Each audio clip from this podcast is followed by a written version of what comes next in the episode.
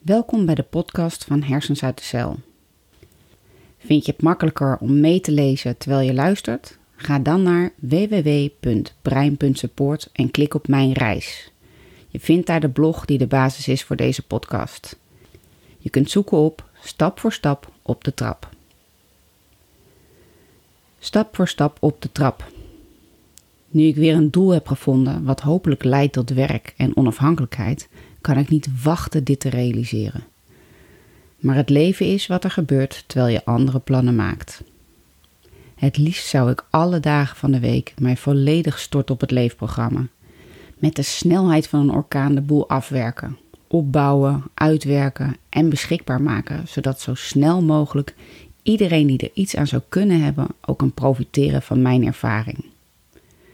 De realiteit is gewoon anders.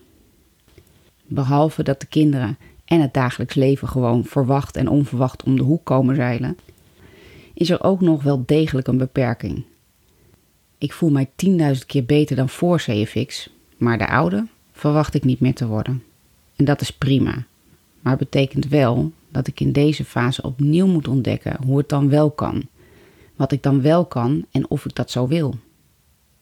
Na afgelopen week, even een praktijkvoorbeeld. Routine is mijn alles. Routine is echt een lifesaver als het gaat om mijn brein. Maar ja, het leven is vaak geen routine. Zo zouden de kinderen zondagavond hierheen komen en donderdag naar hun vader gaan. Helaas was er een obstakel en moesten ze uit voorzorg in quarantaine. Ik loop extra risico om heel ziek te worden van COVID-19 en we zijn dus heel voorzichtig. En zo moest ik mijn kinderen dus bij hun vader in quarantaine laten tot er meer zekerheid was. Het gevolg: extra boodschappen doen, onderwijs op afstand begeleiden, maar dan ook met afstand tussen mij en de kinderen en dus minimale routine. Om ze, godzijdank, woensdagavond weer vast te kunnen pakken en vervolgens het schema om te gooien, omdat ze toen bij ons bleven. Een vergeten vaccinatieafspraak, schilder- en vloerreparatieafspraken en extra drukke dagen waren de laatste druppel. En toen was ik gevloerd. Van de spanning en de onverwachte elementen van het leven. Gisteren was ik daardoor kapot en beroerd toen ik wakker werd. Dan zijn er botsende factoren die mij voor lastige keuzes zetten. Ik wil gewoon door. Er is eindelijk ruimte en tijd. Geen school, en andere afspraken, maar mijn hoofd zit vol mist en ik voel me als van ouds. Niet echt zo erg, maar ik voel me wel duizelig en onstabiel. Doorgaan is eigenlijk schouders eronder en nog geen 10% presteren met de dikke kans dat het over moet omdat het onder mijn maat is. De andere optie is toegeven. De meest lastige en meest verstandige optie by far, maar wat is het nog steeds een gevecht? Puntje bij paaltje heb ik ervoor gekozen een dag met joggingbroek en iPad voornamelijk op bed door te brengen. In slaap vallen als het kan en opstaan indien nodig. De avond met iPad op de bank, waarbij ik de meeste afleveringen van mijn onbelangrijke Netflix-serie gewoon nog een keer kan bekijken, omdat ik erbij in slaap ben gevallen of het gewoon vergeten ben. En mijzelf dat toestaan maakt mij weer het vrouwtje aan het einde van de middag, maar vooral de volgende dag. Dankzij CFX. Geen week meer aan het bed gekluisterd, maar de keuze terug om rust te pakken en met 24 uur weer de wereld aan te kunnen.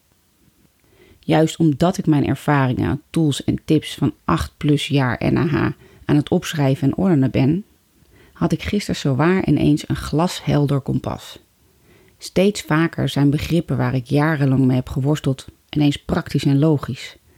Vechten tegen wat niet kan is zinloos. Toegeven en omarmen, dat werkt. Blokjes werken is de uitweg. Allemaal elementen die nu weer extra helder op mijn netvlies staan en die ik zelf ook weer belangrijker maak. Practice what you preach. En ineens klikte het. De afgelopen weken heb ik een megaproject in huis aangepakt. Een minimaal 45 jaar oude trap, vol lijmresten met dezelfde leeftijd en krakende botten, gerenoveerd naar deze tijd. Met inspiratie van mijn schoonzus en tools van mijn schoonouders ben ik de strijd aangegaan, inclusief strategisch oorlog-aanvalsplan. De strategie? Ik wist al dat het nooit in volle dagen achter elkaar kon. Maar ik ben nogal van het taken afronden voor je stopt. En ik ben nog veel meer van: het is alleen goed als je je taak hebt afgerond. Geen goede combi met hersenletsel en eigenlijk nooit en voor niemand die gelukkig wil leven. Dus, nieuwe aanpak. Elke dag een stapje. Elke dag een treden. Het leek een goed idee te overzien. En dan komt het. Het werk bleek bijna meditatief en een enorme workout, inclusief spierpijn, zich. Wat blijkt, je kunt je perspectief veranderen. Van elke dag een treden werd ik alleen maar onrustiger. Want de ene ging sneller dan de andere en de ene dag wilde en kon ik nog wel door en de andere absoluut niet. Dus change of plans. De taak werd tijd. Ik veranderde de strategie van een treden per dag naar een uur per dag. En als ik maar goed voelde, mocht het uitlopen tot het klaar was. Want alles na één uur was gewonnen inzet. Ik had geen verdere deadline. En ineens haalde ik altijd mijn doel.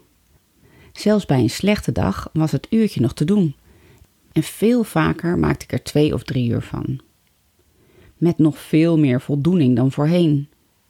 Zelfs als het maar één treden was. Ik had immers 300% gehaald van mijn doel. En al die uurtjes elke dag maakte dat een project van zeker circa 100 uur in iets meer dan zes weken met een heerlijk gevoel werd afgerond. 14 treden, kaal geschraapt, geschuurd, gekit, in 15 kleuren elke trede iets lichter en zonder dat elke stap nog kraakt. Stap voor stap op de trap naar de toekomst. En dit is dus hoe het gaat, stap voor stap. Ik heb enorm veel werk te verzetten als ik dit hersens uit de cel leefprogramma wil maken. En mensen wil helpen. Het is spannend en leuk. Ik wil elke dag al 16 uur achter elkaar doen, maar dat gaat niet lukken. Maar net als de trap, ik werk in blokjes. Ik sta mezelf op tijd een dagje rust en ontspanning toe. Nog beter doe ik dat elke dag kortere tijd. Ik verleg mijn focus van taak naar tijd. En als ik dan elke dag een uurtje hieraan ga werken, dan ontstaat er stap voor stap een mooie trap naar de toekomst.